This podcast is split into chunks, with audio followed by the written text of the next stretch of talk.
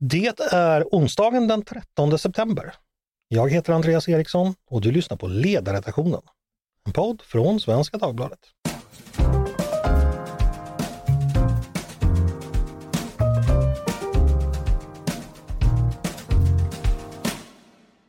Varmt välkomna till oss igen. I november ska Miljöpartiet ha kongress och då ska man bland annat välja språkrör.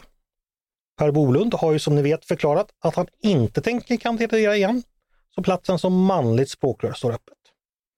Märta Stenevi däremot, hon har bestämt sig för att fortsätta och ännu har ingen förklarat sig vilja utmana henne. Eller hur är det, ska man välja nya språkrör? Det är faktiskt något som också återstår att se, för frågan om språkrörens vara eller icke vara är också uppe för diskussion i partiet. Nu den här veckan genomförs en rådgivande omröstning bland kongressombuden om frågan och sen ska kongressen ta ställning till det. Det vill säga om man ska behålla systemet med två språkrör eller om man ska övergå till samma ordning som övriga partier har, det vill säga med en partiledare. Det här och mycket annat ska vi prata mer om idag. Hur ser språkrörssystemets framtid ut inom partiet? Vad talar för respektive emot att det behålls? Vad tycker medlemmarna om saken? Och vilka personer vill man se som språkrör eller om det nu blir partiledare i framtiden? Och betyder de olika personerna det spekuleras om att partiet kommer ta olika riktning i framtiden? Med mig för att borra djupare i det här har jag två gäster. Magda Rasmusson, tidigare språkrör för Grön ungdom, tidigare riksdagsledamot för partiet och rektor för Kogito-akademin. Varmt välkommen hit Magda Rasmusson! Tack så mycket! Och Kogito-akademin kan vi bara kort ta, vad är det för något? Det är en grön spetsutbildning eh, för unga, kan man säga. Lite som Stureakademin som Timbro anordnar. Just det, översatte vi till, till Svenska Dagbladets läsare med. Och så har vi med oss Klara eh, Lidman, tidigare förbundsstyrelseledamot i Grön ungdom, grön liberal. Välkommen du också Klara! Tack så mycket! Om vi ska börja med själva formfrågan, det här med språkrör. Magda, varför har Miljöpartiet ett sådant system? Vilka har fördelarna anses vara? Ja, um, det är en jättebra fråga. Man kan tänka så här att när Miljöpartiet bildades för drygt 40 år sedan så var det inte bara miljöfrågan som var i centrum, utan faktiskt också en väldigt stark kritik mot hur de andra partierna organiserade sig. Framförallt fanns det en kritik just mot toppstyre, hierarkier, att medlemmarnas makt var för liten. Så därför har organisationsfrågor och maktkritik varit en väldigt viktig del i den gröna rörelsen och det visar sig då dels i två språkrör men också att vi har rotationsprinciper. Det visar sig också i att vi länge var motståndare mot EU som, eh, som ansågs för centralistiskt och så vidare. Ehm, så att helt enkelt, ja, att synen på delad makt, ehm, vikten av, vikten av att dela på makten ehm, är den ses som den stora fördelen med just språkrörssystemet. Mm. Eh, Klara, vad säger du eh, när man pratar inom partiet? Vad anses fördelarna med språkrörssystemet vara och vad anses nackdelarna vara? Om man frågar, vad är de vanligaste man hör? Eh, ja, men det är väl att eh, det liksom för, visar på ett jämställdhetsanspråk, pratar folk mycket om. Att eh, man vill liksom framhålla att det är viktigt. Eh, det är någonting som folk vet om kring Miljöpartiet, det är att vi har ett manligt och ett kvinnligt språkrör. Och att det vore kanske konstigt att backa från det kan väl folk tycka.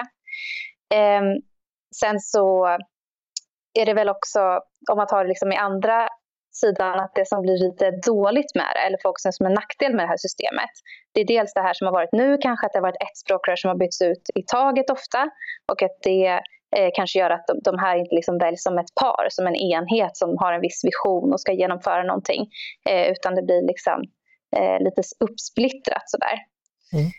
Ehm, och sen så är det väl tanken, ja det är ju liksom lite ena sidan eller andra sidan. Vill man ha en ledare som har en vision som liksom kör på den, då blir det ju väldigt svår, svårare med den här modellen. Då kanske det är två personer som drar åt olika håll. Men det har ju också varit liksom anledningen att man har velat ha språkrör. Just det här som Magda var inne på att folk kanske inte har velat ha en så stark ledare i Miljöpartiet. Utan man, och det är därför man liksom använder ordet språkrör också. Att det ska vara en person som bara för ut partiets budskap. Eh, snarare än att det ska vara någon som styr och ställer. Mm. Vad säger du Magda, lever språkrörssystemet farligt just nu tror du? Ja, ja men det ifrågasätts ju ändå i grunden, eh, definitivt. Sen får vi se vart det landar i slutändan, men jag tycker det är jättebra att vi har den här diskussionen.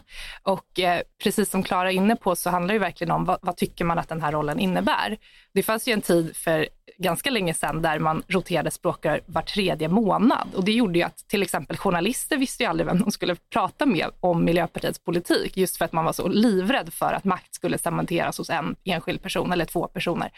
Eh, men, ja, nej, men diskussionen eh, är, är ganska het faktiskt får man säga och eh, det tror jag är bra. Men om du jämför historiskt, är motståndet eller så, här, eh, tanken på att man ska byta system, är, det populärare nu än någonsin eller har det, eller vad skulle du säga? Ja, jag, jag skulle säga det. Faktum är att 2002 så var man på väg att lämna språkrörssystemet eh, och istället välja en partiledare. Men i sista stund så röstade kongressen ner det.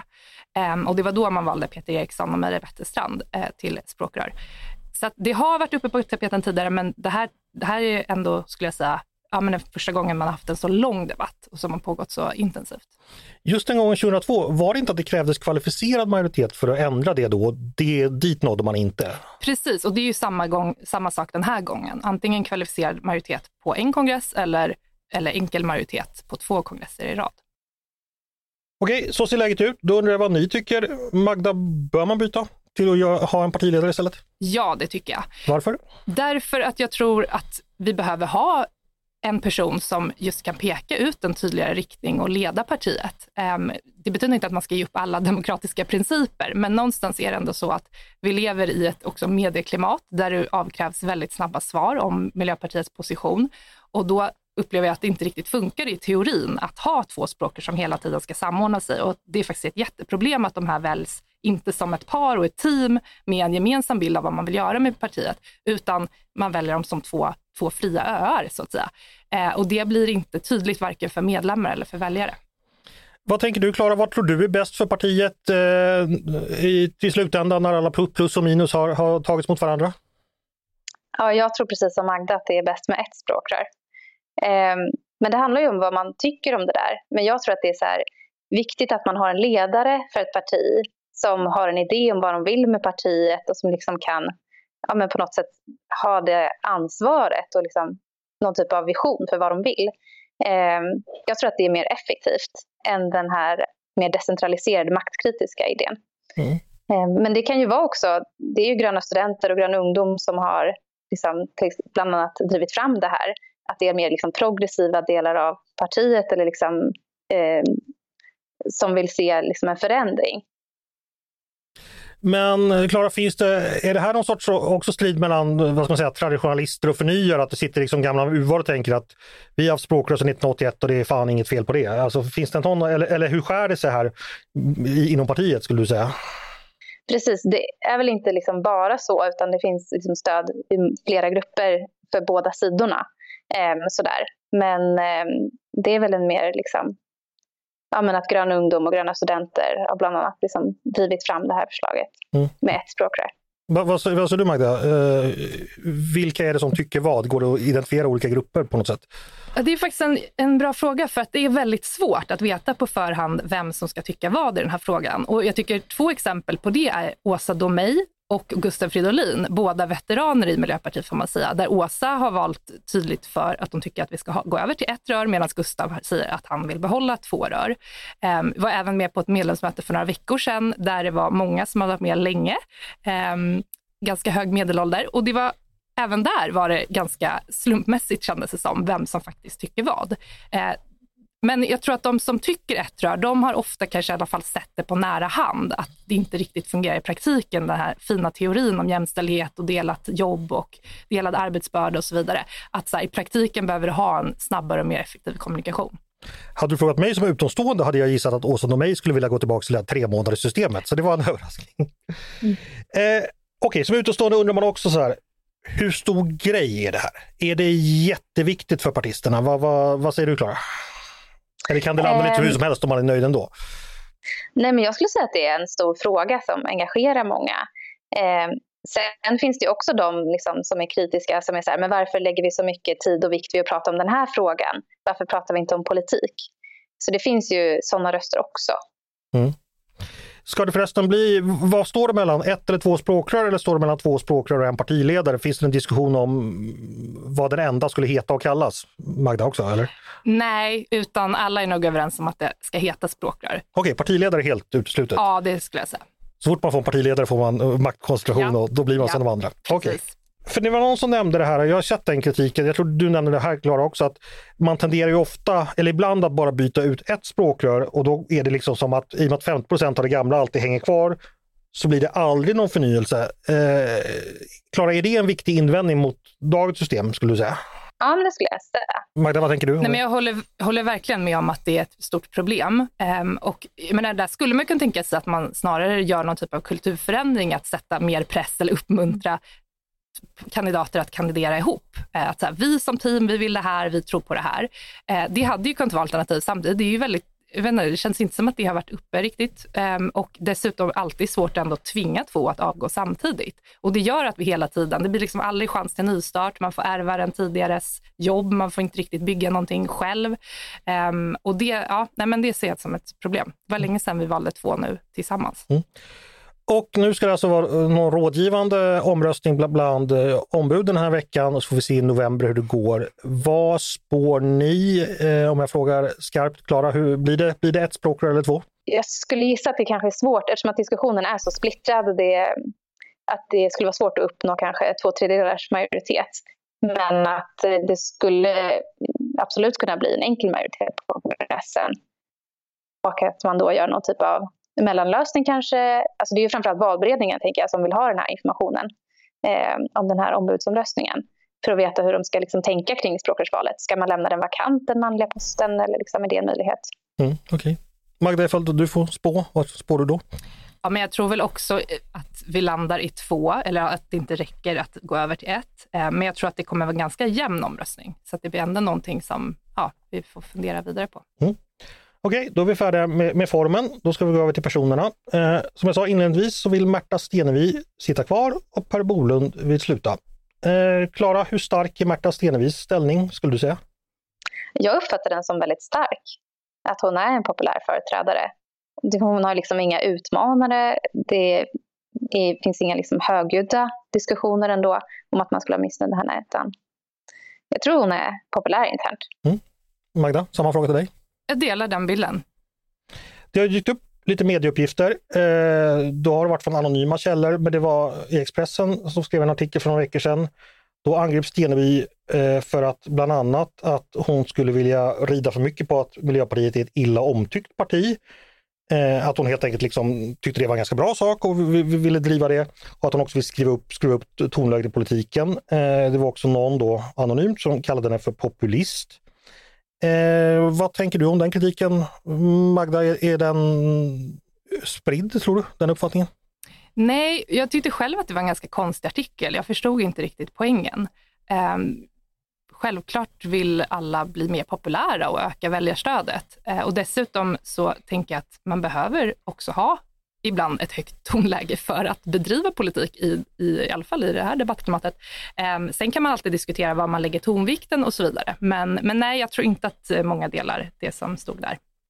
Eh, vad, vad säger du, du, du om det är Klara, är det orättvist att kalla Stenevi för populist? Ja, det skulle jag säga. Alltså jag tycker det här är, så är det väl med alla partiledare eller språkrör i alla partier, att det, att det kommer komma fram kritik.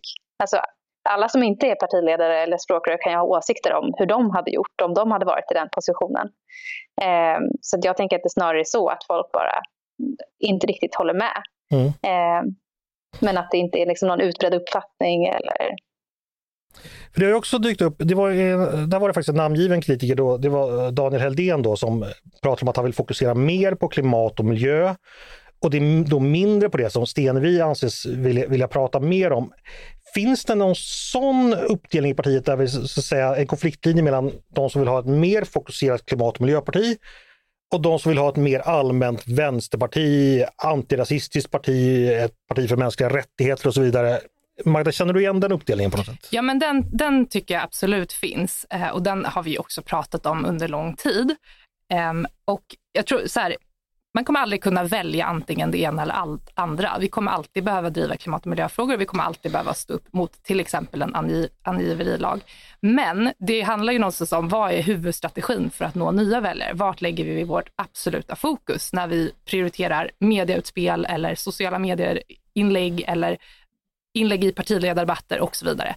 Och där tror jag ändå att vi på senare år har eh, misslyckats lite med klimat och miljöfrågorna. Ehm, det är trots allt där jag tror vi har mest att hämta hem. Och här, här behöver vi verkligen eh, vässa oss. Har det blivit för mycket av det här andra jag beskriver då? Ja, alltså, jag, menar, jag tycker att det är jätteviktiga frågor också, men, men någonstans givet hur extremt allvarliga klimatfrågorna är nu och den politik vi ser från den här regeringen, så, så finns det många väljare att hämta tror jag. Och vi behöver också bli bättre på att politisera de frågorna. För allt för ofta handlar det mer om eh, liksom teknikaliteter än att faktiskt statsministern ställs till svars när det sker extremväder. Mm. Eh, Klara, vad säger du? Känner du igen den här uppdelningen jag beskrev tidigare? Ja, precis. Det är lite som en dragkamp mellan de här två. Och då kanske Märta och Daniel blir liksom som eh, representanter för de två olika sidorna. Var ska man stå? Var ska man gå? Sen har ju partiet varit mer åt Märtas håll skulle jag säga. Alltså i de valstrategier som har lagts fram så har eh, liksom de senaste valen i alla fall varit en ganska stor fokus på att man vill vara, ha bredd, man vill vara liksom det nya gröna folkhemmet. Man vill inte fokusera bara på klimat och miljö. Ehm, så det är den liksom linjen som har vunnit lite grann i alla fall de senaste åren. Och jag tror att det är det som Daniel också liksom vänder sig lite emot. Eh, mm. Att han håller inte med om det och vill gå åt ett annat håll. Gör han rätt i att vända sig mot det, tycker du? Jag tycker det. Ehm, men jag vet inte om jag är en minoritet kanske. Jag upplever inte riktigt att det finns den här, som i vissa partier, att det är så väldigt tydligt vilka distrikt som tycker vad eller liksom olika fraktioner. Utan Miljöpartiet är ju lite mer liksom löst sammansatt, man säga. Mm. Att det finns olika personer i olika... Det är liksom inte så konsoliderat på det sättet. Daniel Heldéns samarbete den förra mandatperioden med, med eh, de borgerliga partierna i Stockholm, hur har det setts i partiet? Lite olika från olika håll kan man väl säga. Eh, det har inte gått obemärkt förbi. Många har tyckt att ja, men vad bra, vi får igenom väldigt mycket konkret politik eh, i Stockholm. Också lyckats hindra en del politik som annars hade genomförts. Medan det också finns de som är besvikna på det samarbetet och både vad det innebar i sak men också hur, hur det har påverkat bilden av oss bland väljarna. Och hur har bilden förändrats då? Att det bland framförallt vänsterväljare eh, finns en, eh, ja, att man har vänt sig mot Miljöpartiet och ser, ser MP som ett eh, högerparti och ett parti man inte riktigt kan lita på. Eh, Klara, vad tänker du om det? Hur, hur, har samarbetet i Stockholms kommun och ja, även regionen var det, var det ju förra mandatperioden. Hur har det påverkat och hur ses det inom partiet? Alltså det är vissa som då menar att det här skrämmer bort liksom, sosseväljare och att det ändå är som en väldigt stor målgrupp för oss. Vilka som man tänker skulle kunna rösta på Miljöpartiet. Att det framför är folk som tidigare röstat på Socialdemokraterna, tidigare på Vänsterpartiet kanske. Att man tänker att vi inte drar lika mycket från liksom, tidigare allianspartier. Och då finns det väl en rädsla att när man i Region Stockholm och i eh, Stockholms kommun har haft ett sådant blocköverskridande samarbeten, eh, att det skulle skrämma bort sådana väljare jag vet inte liksom hur det har sett ut om man faktiskt har kunnat visa på någon sån tendens eh, eller inte. Men det är i alla fall en kritik som har framförts och liksom en oro som har funnits. Mm. Det låter på er i alla fall som om det, man behåller två språkrör, att Märta Stenevi sitter säkert på sin plats, tolkar jag rätt då? Magda, du nickar? Ja. Mm. Mm. ja. Hur stark är hon då om vi går mot ett, eh, med bara ett rör, ett parti, partiledarval då, fast eh, ett enrörsval? Eh, blir det hon ändå?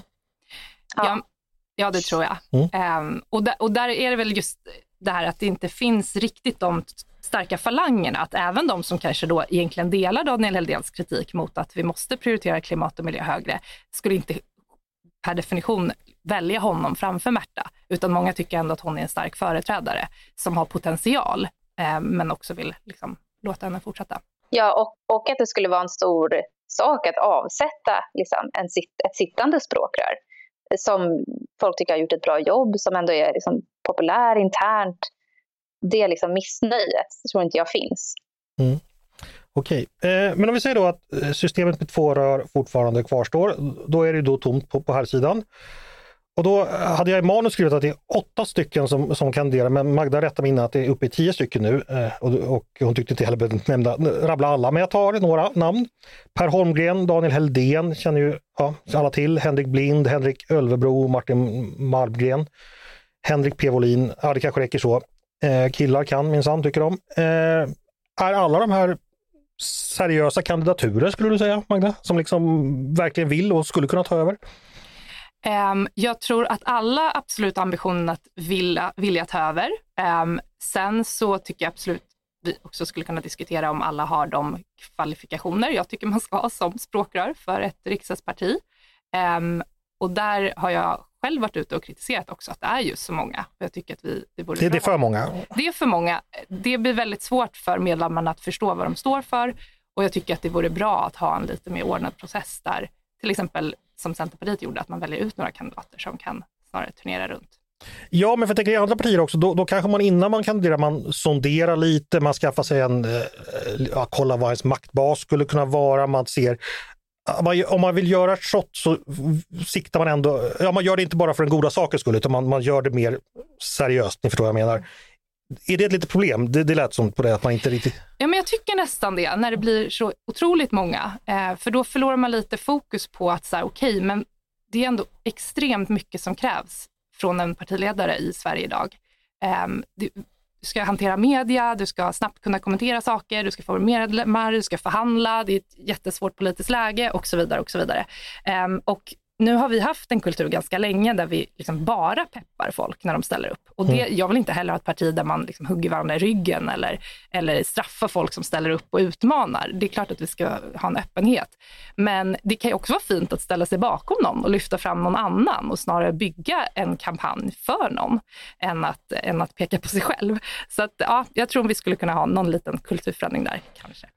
Klara, vad, vad, tänker du om det här som, som vi pratar om, att det är så många som eh, räcker upp handen och, och, och så vidare. Är, ser du också det, att det kan vara ett problem? Eh, ja, jag tänker att det är en konsekvens kanske också av det här brist på falang eller brist på liksom att det är uppenbart så att ett distrikt skulle stötta just sin kandidat eller en viss kandidat som företräder deras linje eller så. Där, då kan det bli lite mer att olika personer ställer upp bara.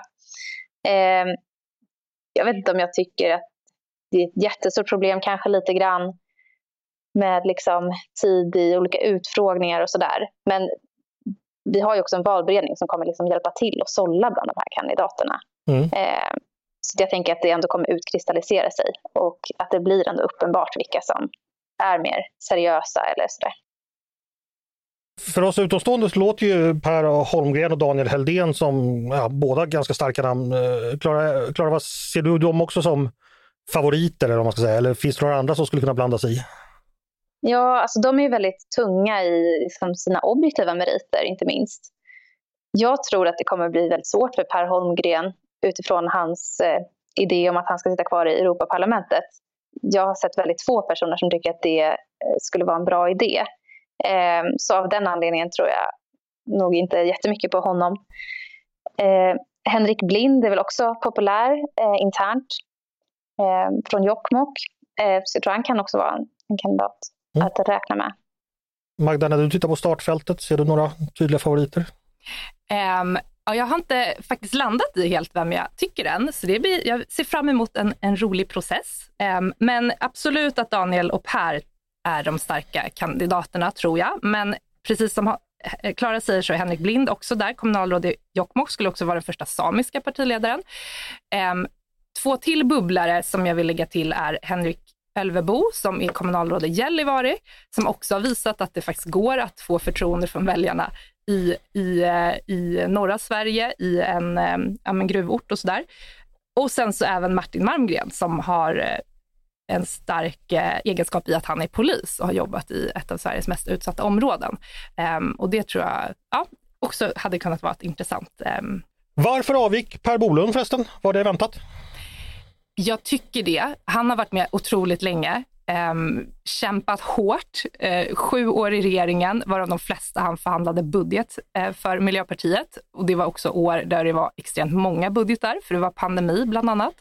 Ehm, såg till att fyrdubbla klimat och miljöbudgeten bland annat. Så att, eh, ja, jag skulle ändå säga det, för jag tror att han också tänkte att så här, men orka, orka en valrörelse till. Ja, men det kanske ändå är dags att välja välja någon annan som, som får ta över jobbet och då var tajmingen rätt bra eftersom vi har kongress i höst. Mm. Men jag tycker definitivt att han kan, han kan vara nöjd med sin insats. Klapp på axeln till Bär. Eh, Klara, vad skulle du säga om du fick placera Miljöpartiet på en höger-vänster-skala? Vad skulle du sätta dem nu? Ja, till vänster och mitten. Ja, och i förhållande till övriga partier på, på vänsterkanten? Ja, kanske i paritet med sossarna. Mm. Är det, tror du, en eh, vettig placering för eh, partiets framtid? Ja. Magda?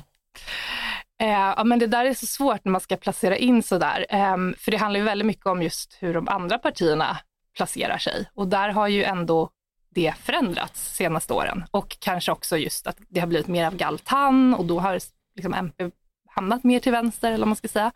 Eh, men, men ja, det är väl ungefär någonstans där jag vet inte, har, har det förts diskussioner om att eh, MP på 00-talet så var det ju ändå liksom så att eh, det var inte givet att man skulle få Miljöpartiets stöd. Det, det fanns ändå möjlighet att eh, ändra blocken skulle kunna få det. Nu har man ju sagt att någon annan statsministerkandidat än socialdemokratisk inte är att tänka på. Att man har försvagat sin förhandlingsposition därmed. Förs det sådana resonemang, Magda? Nej, det förs inga sådana resonemang för jag upplever att det finns en stark enighet i, det, i den bedömningen. Men däremot så är det ju såklart så att du försvagar din förhandlingsposition om du inte kan tänka dig att byta block. Mm. Um, men det är ju ett resultat av, av hur högersidan har utvecklats. Mm. Eh, Klara, vad tänker du eh, om det? Eh, eller har du hört något att man tänkt så här, vi borde ändå hålla andra hållet öppet för att kunna säga att vi kan lämna förhandlingsbordet och prata med någon annan, som, som Heldén gjorde i Stockholm? Eh, ja, men ganska lite sådana röster faktiskt. Vilket jag tror kan också bero på bara att socialdemokratiska stödröster håller Miljöpartiet så mycket under armarna i, eh, i riksdagsvalen. Eh, att då blir det svårt att på, i alla fall på riksnivå samarbeta med de andra liksom, eh, högerpartierna. Mm. Sen finns det också eh, liksom, konsekvens av att Sverigedemokraterna nu ingår i regeringsunderlaget där jag inte tror att det är möjligt att både MP och SD skulle göra det samtidigt. Men någon form av mittenkoalition, S, Centern, MP, något sånt. Tror fast, fast det är ju en vänster, det, det, det är ju inte, det är en vänster, de är på vänstersidan nu, alla de tre partierna. Så det skulle inte vara en mitten, mittenkoalition. Ah, Okej, okay. jag tänker ändå att Centern inte räknas som ett vänsterparti. Men Ja, men så, som ett, det finns ju två ganska tydliga regeringsalternativ i, i politiken. Hörni, om vi pratar fram till valet det är ju ganska lång tid kvar, eh, 2026. Eh, Miljöpartiet gick ju framåt lite senast. Eh, Magda, internt, hur har valresultatet tolkats? Hur nöjd, missnöjd var man med det? Alltså på ett sätt så andades man väl ut eftersom vi för andra gången i rad ändå riskerade att åka ur. Så det var ju kanske en av de första känslan. Ehm, men det är inte ett resultat att vara nöjd över, speciellt inte när det ändå på något sätt blev att vi tiggde om stödröster. Det kan man inte vara nöjd med och jag är själv väldigt opepp på en tredje valrörelse där, där det behövs. Um, jag är lite oroad över att vi inte har den krisinsikt jag tycker att man bör ha i ett sånt läge. Mm. Och om man då vill vara på lite tryggare mark inför nästa val, vart ska de nya väljarna komma ifrån, tänker du? Jag tänker att vi måste bli mycket bättre på att inte bara hämta hem väljare som bryr sig om klimatfrågor, och miljöfrågor, utan också att driva opinion som gör att fler väljare förstår varför de frågorna är så viktiga. Um, och det är där jag, jag, ser vår absolut största potential och där, jag menar, det alternativet måste finnas i svensk politik. Uh, och det är bara Miljöpartiet som kan göra det trovärdigt. Så det har vi verkligen inte råd att, att tappa. Så du menar att eh, medvetenheten kring klimatet och den situationen är generellt för låg i väljarkåren? Den ska upp och då följer Miljöpartiets siffror med. Ja, precis. Alltså jag tror att fler måste förstå varför det är en så viktig politisk fråga. Till exempel i somras när ett SJ-tåg spårade ur på grund av extremväder. Det var ju ingen som, som riktade fokus mot Ulf Kristersson eller tog det till en politisk nivå. Och det tycker jag sker gång på gång på gång, att de frågorna inte får det politiska utrymmet. Ehm, det blir mer kanske någon myndighet som får svara eller, eller sådär. Ehm, men det är ju ren politik. Var lägger man resurser? Vad är det man höjer? Vilka skatter sänker man? Vilka skatter höjer man? Och så vidare. Ehm, så där måste konfliktnivån höjas eh, för att väljare ska uppfatta att det faktiskt är en politisk fråga och välja utifrån det. Eh, Klara, om du funderar på, på väljarkåren som den ser ut eller kommer se ut 2026, vilka tänker du det är de så att säga, lä, lägst hängande frukterna för, för Miljöpartiet att ta väljare? Unga personer, tror jag. Mm. Framförallt. Förstagångsväljare, liksom studenter, sådär. Man har ju sett det som vissa högervindar bland unga väljare. Eh, men jag tror att de lika väl kan fångas av klimatrörelsen.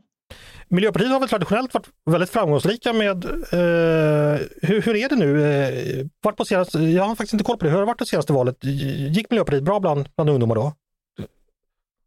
Jag vet faktiskt inte, inte exakt. Inte särskilt, inte så här i jämförelse med andra åldersgrupper. Alltså vi har en ganska liksom, jämn skala mm. över, över olika kategorier. Tidigare mm. dominerade vi verkligen med unga, det gör mm. vi inte idag.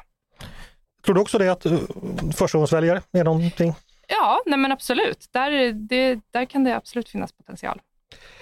Och vad är rimligt att sikta på för valresultat 2026, skulle du säga Magda?